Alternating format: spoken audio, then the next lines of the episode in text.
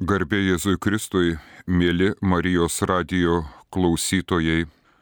Šiandien prie mikrofono aš, kunigas Arnoldas Malstys. Melskimės. Viešpatė Dieve, siūsk mums savoje dvasę, kad pažintume Tave, kad pažintume Tavuosius kelius. Siūsk tą dvasę, kuri mus vestų į dangiškojo tėvo gailestingumo iššės. Ugdyk ir suvienik mus su savimi pačiu, viešpatė Jėzau Kristau.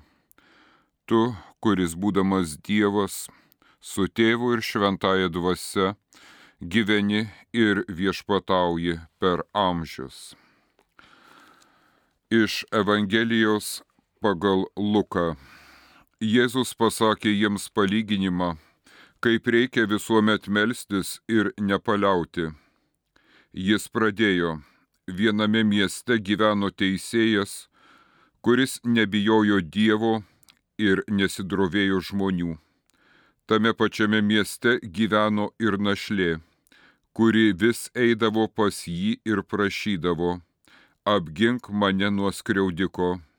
Jis ilgai spyrėsi, bet pagaliau tarė savo nors aš Dievo nebijau, nei žmonių nesidroviu, vis dėlto, kai šita našlė tokia įkyri, imsiu ir apginsiu jos teisės, kad ko gero ji manęs neapkultų. Ir viešpats pridūrė, įsidėmėkite, ką pasakė tas nesažiningas teisėjas. Tad nejaugi Dievas neapgintų teisių savo išrinktųjų, kurie jo šaukėsi per dienas ir naktis ir dėlstų jiems padėti. Aš sakau jums, netrukus jis apgins jų teisės, bet ar atėjęs žmogaus sunus beras žemėje tikėjimą. Iš Evangelijos pagal Luką. Brankieji, žmogaus dvasinė kelionė Sėkimas Jėzumi Kristumi, ta žvaigždė, dedi pastangas, darbuojasi, sėki juo, sėki Jėzumi Kristumi, tąją žvaigždę, o štai apsižiūri, kad esi purvinė ir vėl aistros, ir vėl gaismai prispaudžia tave prie žemės dvasinis gyvenimas, kova. Ir taip dažnai, kaip tas Sizifas akmenį, taip tu save vis bandai ir bandai iškelti dievop. Ir visgi šioje dvasinėje kelionėje susiduri su Dievo tyla. Dievo tyla kuri kartais tave prislėgia visų savo svoriu. Dievo tyla, kuri neleidžia tau atsigręžti į save, būti su savimi pačiu, kuri tave gena darbuotis pasaulyje, bet visgi drąsos. Tyloje mes ir susitinkame su viešpačiu. Ta tyla iškalbingesnė už bet kokį pokalbį. Ta tyla mus įvesdina į Dievo buvimą, į vidinę maldą mus ir šiandien kreipia Jėzaus Kristaus palyginimas apie įkyrę prašytoją našlę. Ji eidavo ir eidavo, koliai nebuvo išklausyta, koliai nebuvo priimta. Dvasinio gyvenimo pradžia - tai klausimasis, dėmesingumas, pats paklusnumas Dievo valiai, jo vedimui kyla iš to žodžio klausytis, paklusnumas. Taip vis labiau ir labiau suvoki, kad esi vedamas viešpaties, kad jo esi formuojamas ir ugdomas. Tuomet ir tyla pavirsta tuo palaimingu susitikimu su mus mylinčiu viešpačiu. Taip dvasinis gyvenimas tarsi šokis, kuriame taip svarbu klausytis, kaip ir Dievo valios vykdyme. Šiandien tūlas nelabai gerai supranta, o kurgi toji Dievo valia, ką reikėtų, ką turėtume daryti Čia kiek panašu į žmogų, kuris nesiklauso, o tuomet elgesi ir daro taip, kaip jam atrodo geriau. Bet dvasinėme gyvenime pirmasis žingsnis yra klausytis. Dėmesingumas. Štai to iš mūsų reikalauja viešpats. Sakyk viešpatie, ką nori, kad tau padaryčiau. Tavo tarnas klauso. Štai mūsų pozicija, kuomet ateiname į vidinę, į tylėją maldą. Tas dėmesingumas, apie kurį taip gražiai rašo evangelistas, būtent švenčiausioji mergelė Marija kuri svarstė ir dėmėjosi visus šiuos žodžius savo širdyje. Ir vėlgi, šiandien ką tik girdėtas Jėzaus Kristaus palyginimas apie tą našlę atskleidžia mums ir numanomą priešininką, arba galima būtų taip sakyti, antinašlę, kuri būtų prieštara Evangelijos našliai. Ir čia svarbiausia, kad piktasis, piktoji dvasia, kuris yra asmuo, turi tau kai ką labai reikšmingo ir svarbaus pasakyti. Jis nori atskleisti tau tą didį slėpinį, kuris taip svarbus yra tau, tavo brandimui su tokiu kvietimu štai piktasis kreipiasi žmogų, šaukdamas jį, jis ieško dėmesio. Kaip tas mažas vaikas tampo motinai už sijono, kai ta kalbasi su kaiminė, jis užsikalbėjusiai mamai neduoda ramybės, jis duodasi ir blaškosi, jis pats nežino, ko nori, o iš tiesų jis nori tik vieno vienintelio dalyko - tai dėmesio. Todėl ir piktoji dvasia, nors ji negali nieko pasakyti, nors ir neturi nieko, ką galėtų mums atskleisti, ji te trokšta vieno vienintelio dalyko - mūsų dėmesio. Čia gal kiek panašu į tuos jaunuolio, jaunuolės, merginos ir vaikino santykius, kuomet mergina sakosi, kad noriu su tavim pasikalbėti, noriu tau kai ką labai svarbaus pasakyti. Ir kai vaikinas parodo dėmesį, kai jie susitinka, kažkur tai atskirai nuo visų, jie nepaliauja kalbėti, kalbėti ir kalbėti, o vaikinas vis klausosi ir klausosi ir nesupranta, ką nori ji jam pasakyti, ką svarbaus ji nori perduoti.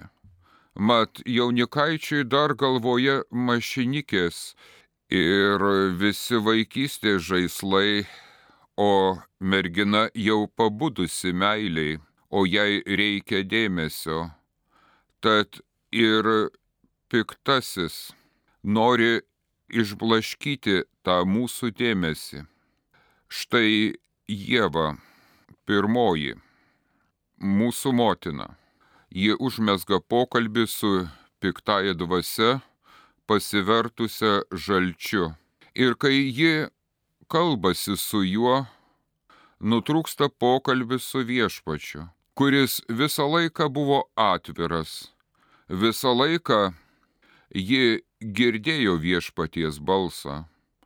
Ar tai besiklausant paukštelių čiulbesio, ar kartu su Adomu vaikščiant po Edeno sodą, ji buvo nuolatinėme pokalbėje su viešpačiu, o štai užkalbinta piktojo, ji nebegali klausytis dviejų.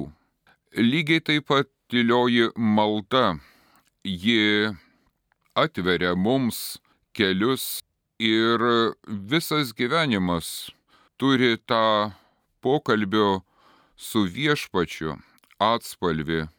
Jis mus kalbina ne tik tuo metu, kai atsidedame maldai, kai įžengiame į tylą, jis mus kalbina per visą mūsų dieną, per įvykius, per žmonės, įvairiausiais būdais.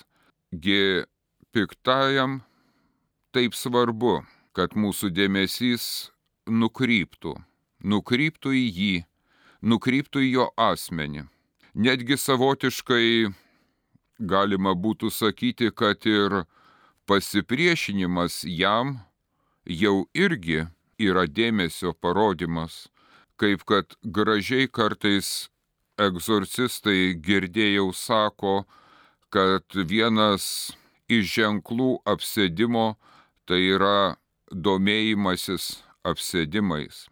Tad piktojo atžvilgiu tas abejingumas Čia jokiais būdais aš nekalbu apie abejingumą blogiui, abejingumą nuodėmiai, bet abejingumo laikysena pasaulyje ir ypatingai mintyse, kurios mus aplanko, tai pagrindinė mūsų laikysena - dėmesingumo tarsi išvirkštinė pusė, kuomet mes klausomės viešpaties, nes tik klausydami jo mes galime vykdyti jo valią.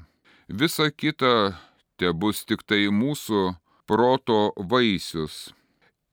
Šiame pokalbėje su Dievu, toje tyloje ir gimsta savęs pažinimas. Štai toji našlė, kuri kiekvieną dieną nežinau, penkiolikai minučių ar pusvalandžiui, o gal valandai, ateidavo pas teisėją iš ryto, kada buvo prieimimo valandos, ir praleisdavo kažkur tai ten.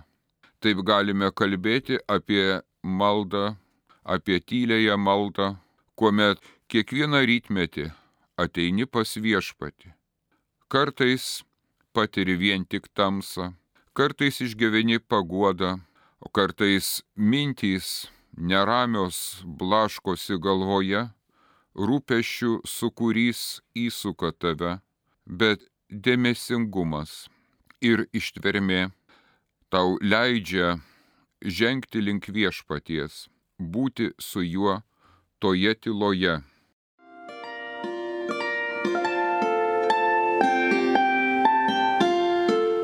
Jūs girdite Marijos radiją.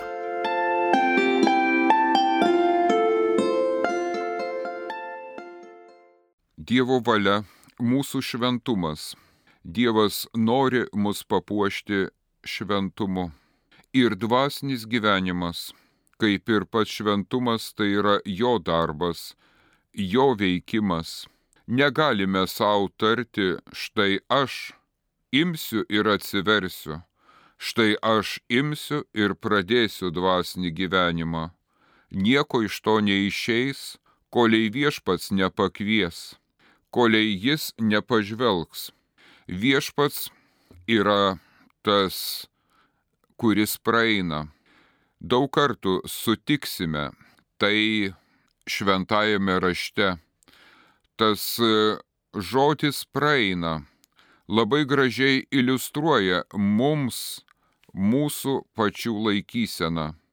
Mes turime būdėti, mes turime dėmesingai laukti. Aš negaliu ateiti bet kada į Vilniaus traukinių stotį ir tikėtis, kad štai netrukus atvyks traukinys, kuris mane nuveš į Kauną. Aš turiu ateiti konkrečią valandą, turiu laukti. Ir jeigu ateisiu, kada aš noriu ateiti, o melsiuos tik tuo met, kai aš noriu melstis, tuomet taip ir nesusitiksime su viešpačiu, kuris praeina. Ir čia taip svarbu tas teisėjo paveikslas, nesažiningo kabutėse, o gal ir ne, teisėjo paveikslas. Brangieji, mėlyjeji radio klausytojai, teiginys, kad Dievas yra mus mylintis Dievas, kad Dievas yra beprotiškai tave įsimylėjęs, tai yra taip pat ir argumentas prieš jį patį. Nes jeigu Dievas yra taip mus pamilęs Dievas, tai kodėl yra tas e, blogis, kodėl miršta kūdikiai, kodėl yra lygos, badas, nelaimės, kodėl tiek daug blogio, jei Dievas yra mus mylintis Dievas. Todėl ir galima sakyti, kad Dievas yra tarsi tas nesažiningas teisėjas, juk numanomas teisingumas tai tas teisingumas, kurio norėtų vergas, vergas, bet nelaisvasis. Jis nori štai tokio teisingumo. Jis galvoja, kad e, klusnumu nubrėž tą santyki su viešpačiu. O viešpas žengia toliau. Jis nori ne aukos, bet pasigailėjimo. Ir šiandien, jeigu tu kažkur aukojasi, gal reikia viską palikti, mielas klausytojau, nes e, ne vergams yra skirtas dangus, bet laisviesiems. Tad ir piktoji dvasia puikiai pasinaudoja tuo argumentu, tuo teiginiu, kad Dievas yra meilė, kviesdamas mus susirūpinti, stoti į kovą, verštis į priekį, kovoti ir nugalėti, juk Dievas to ir nori kad tu parodytum save, kad tu esi taip pat ne kažkas tai, ne vien tik tai dulkė, bet gali pasipriešinti net pačiam viešpačiui. Tu gali peržengti įstatymą ir žengti link viešpaties. Ir jis pamatys tavyje tą antžmogį, tą, kuris sugeba net peršokti Dievo valią. Čia gal gražiausiai tai iliustruoja mums e, Saros pavyzdys. Sara, Abromo žmona, ji buvo nevaisinga. Ir ką jai daryti? Ji nepasidavė taip pagal piktojo mąstymą pasivumui, ji žengė žingsnį. Štai Abromai, eik ir sugulk su tarnaite, kad ji ant mano kelių pagimdytų kūdikį ir štai jis bus mūsų palikuonis, jis bus mūsų ateitis. Taip dažnai ir mus piktasis gundo ir kviečia nepriimti tai, kad tuščiai bėga laikas, tuščiai eina dienos, kad nieko nepadarome, kad nieko nenuveikėme, žengti rizikingą žingsnį, parodyti, kad tu gali viršyti tau duotą įstatymą, jį sulaužydamas. Štai toks kvietimas Štai toks paraginimas našliai ir štai toks būtų kitas našlės paveikslas, kuris priešingas palyginimo sutiktajai našliai. Tad tokiu būdu esame skatinami veikti. Gi tylioji malda mus atvedanti į Dievo tylą, bet ji lygiai taip pat formuoja mus ir ugdo mus jau Dievo darbams. Ir tarnaitės sunus netaps Abromo palikuonimi. Kitas svarbus aspektas, kur vėlgi tai prisiliečia piktasis, kviesdamas mus, kviesdamas mus aukai. Štai tu tokia vargšelė, štai tu auka, štai visą gyvenimą dabar save aukoki, save išdalinki. Ne, tai aš turiu numirti už tave ant kryžiaus, sako Jėzus Kristus. Tai aš esu viena vienintelė auka, o tau jie nereikia tapti. Tad ir mūsų pasirinkimai te būna meilės įkvėpti, bet netroškimo pasiaukoti, kuris yra vien tik tai savimeilės ugdymas. Štai tokią laikyseną našlėje gali ugdyti piktasis. Piktasis, kuris yra kaip asmuo. Jis daug kartų gundo žmogų. Jis gundo žmogų pasilikti pasaulyje, pasilikti ties paviršutinišku, laikinu gyvenimu.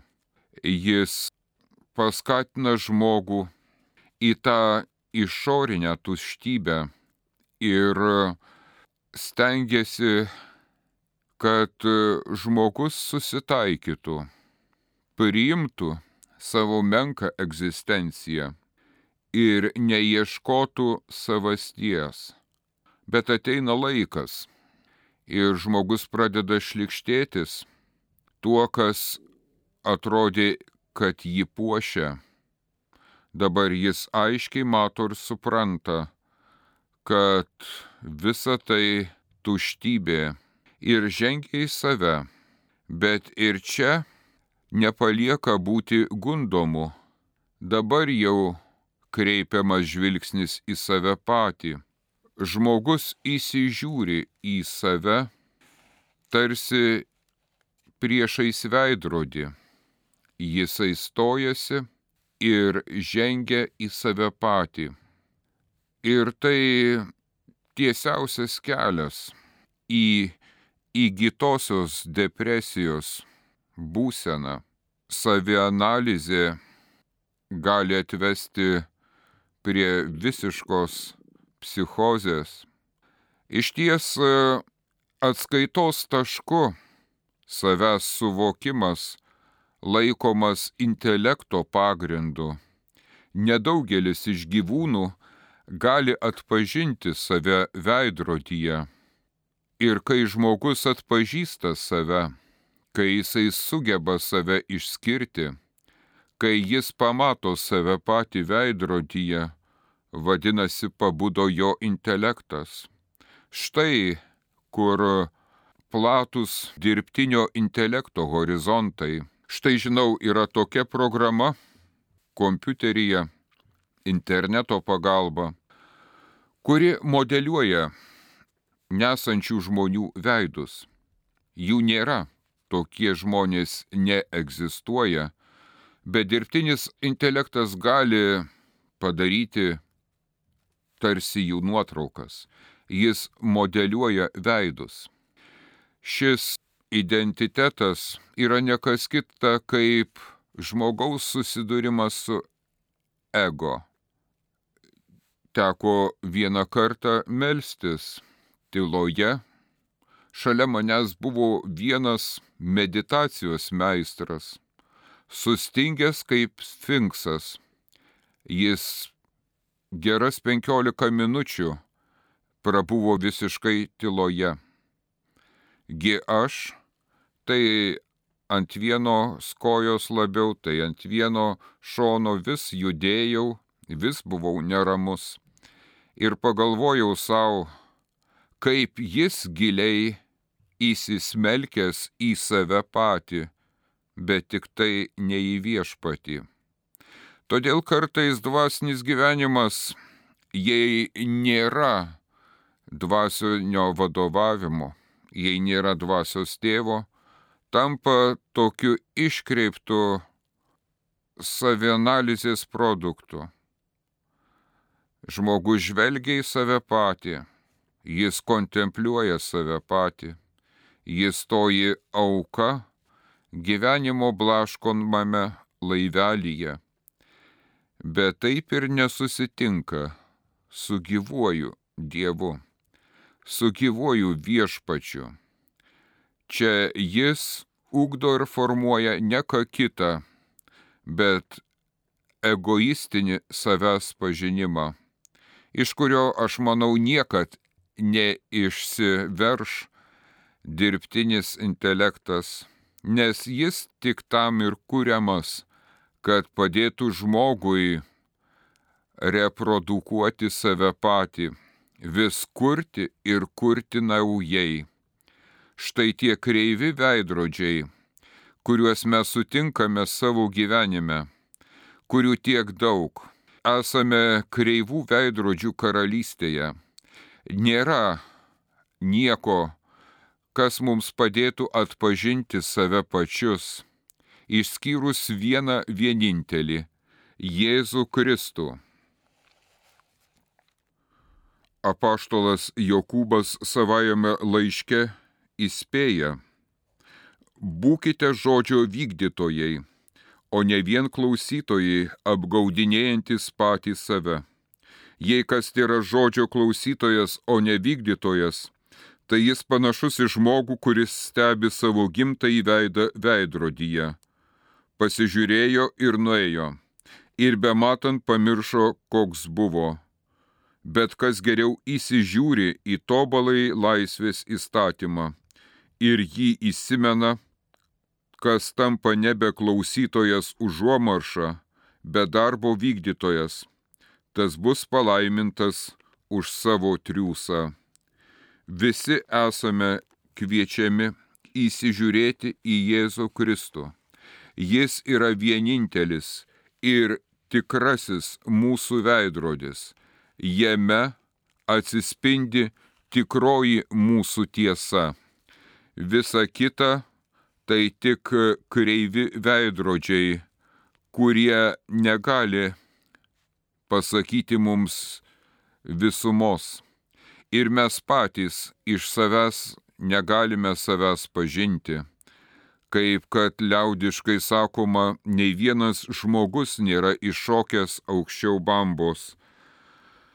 Tad ir šiandien šiame Evangelijos palyginime našlė save atranda teisėje, nes teisėja kuris Dievo nesibijo, nes viešpats yra viešpačių viešpats, jis tarp dievų aukščiausias, jo keliai ne žmonių keliai, bet ši našlė gali jį apkulti.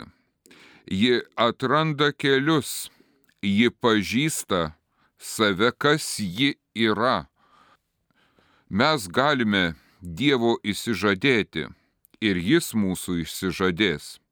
Bet jeigu mes esame jam neištikimi, jis palieka ištikimas. Štai tie siauri varteliai, štai tas siauras takas, kuomet mes Jėzuje Kristuje atpažįstame save.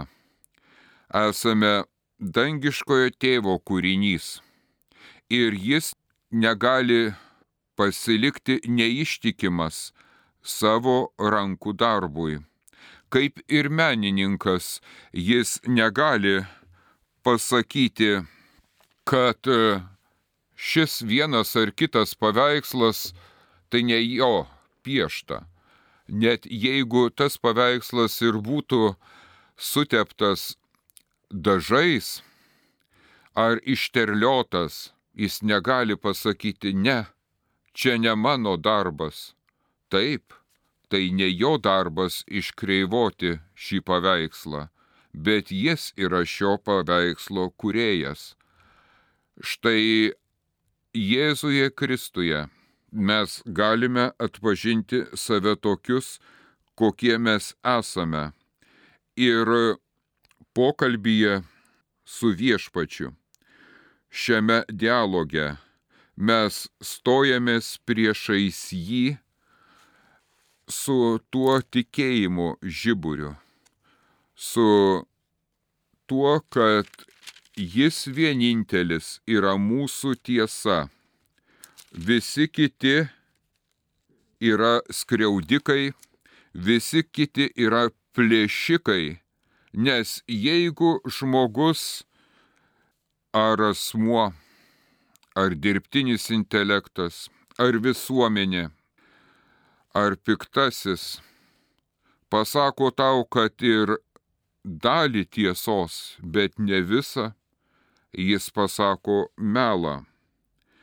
Lygiai taip pat bičiulių nėra tas, kuris savo prunkščia tyliai, o tau sako, kad viskas yra gerai, kai pas tave štai ant rūbų kažkokia tai dėmė.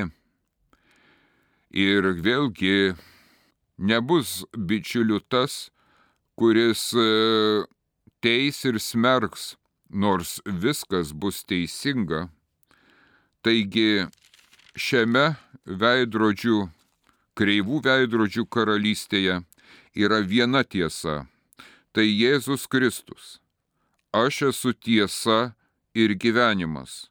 Tik Jis yra vienintelis, kuris gali mus apginti, o visi kiti tai yra skriaudikai mūsų atžvilgiu. Ir ateiname pas jį ateiname ir skiriame tai maldai, kuomet šaukėmės, kaip kad našlė šaukėsi, apgink mane nuo skriaudiko, taip mes melžiame. Viešpatie Jėzau Kristau, gyvojo Dievo sūnau, pasigailėk manęs. Ir žinome, kad būsime išklausyti, kad būsime ugdomi, kad viešpats nepaliauja darbuotis, kad jis apgins mūsų teisės.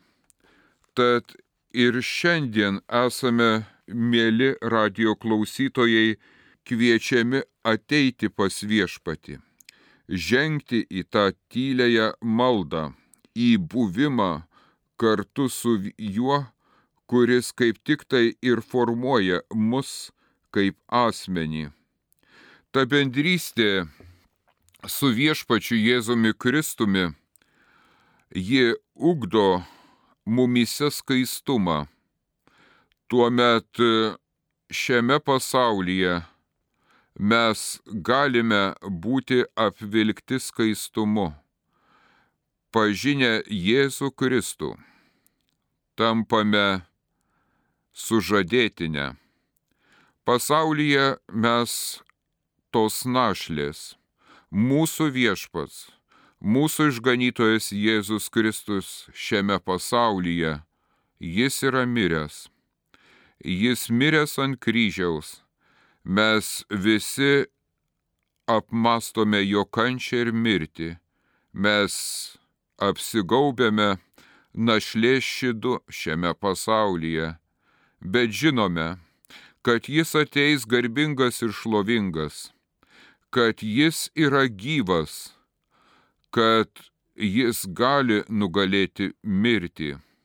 Tad žengėme link jo ir naujai atrandame tą Dievo vaikų laisvę. Pasirodo savosios valios palenkimas Tai nėra savęs suvaržymas, susaistimas, o tai būdas išmokti mylėti, išmokti būti laisvam ir patirti tą beribį džiaugsmą. Puoselėkime, ugdykime vidinę maldą kurioje bręsta mūsų tikėjimas. Diena iš dienos jis auga, diena iš dienos jisai turi būti maitinamas tos vidinės maldos, to asmenio susitikimo su Jėzumi Kristumi. Šiandien atėjęs žmogaus sunus ras tikėjimą, rytoj nežinau. Ir taip kiekvieną dieną, nes Dievas savo malonės štai patikėjo mums tiems moliniams indams, bet vieną žinome, kad ir būtume didžiausi nusidėjėliai, kad būtume ir paskutiniai vargėtos, kad ir kaip nupultume, mes galime melstis. Čia dar vienos piktojo pinklės, jei tu prasikaltai, jei tu nusidėjai, tai tu negali melstis, tavo malda nepatiks viešpačiui. O ne, kaip tik tai mūsų silpnumas, mūsų žmogiškasis trapumas pakreipia Jėzaus žvilgsnį mūsų link. Jis yra traukiamas mūsų, mūsų varganumo kaip kad e, ligonis turi visas teisės kreiptis pas gydytoją ir būti jo apžiūrėtas, taip ir mes, Jėzaus Kristaus atžvilgiu, turime visas teisės į Dievą, todėl kad esame nusidėjėliai, o Jis dėl mūsų ir atėjo. Tad šiandien ženkime prie viešpaties.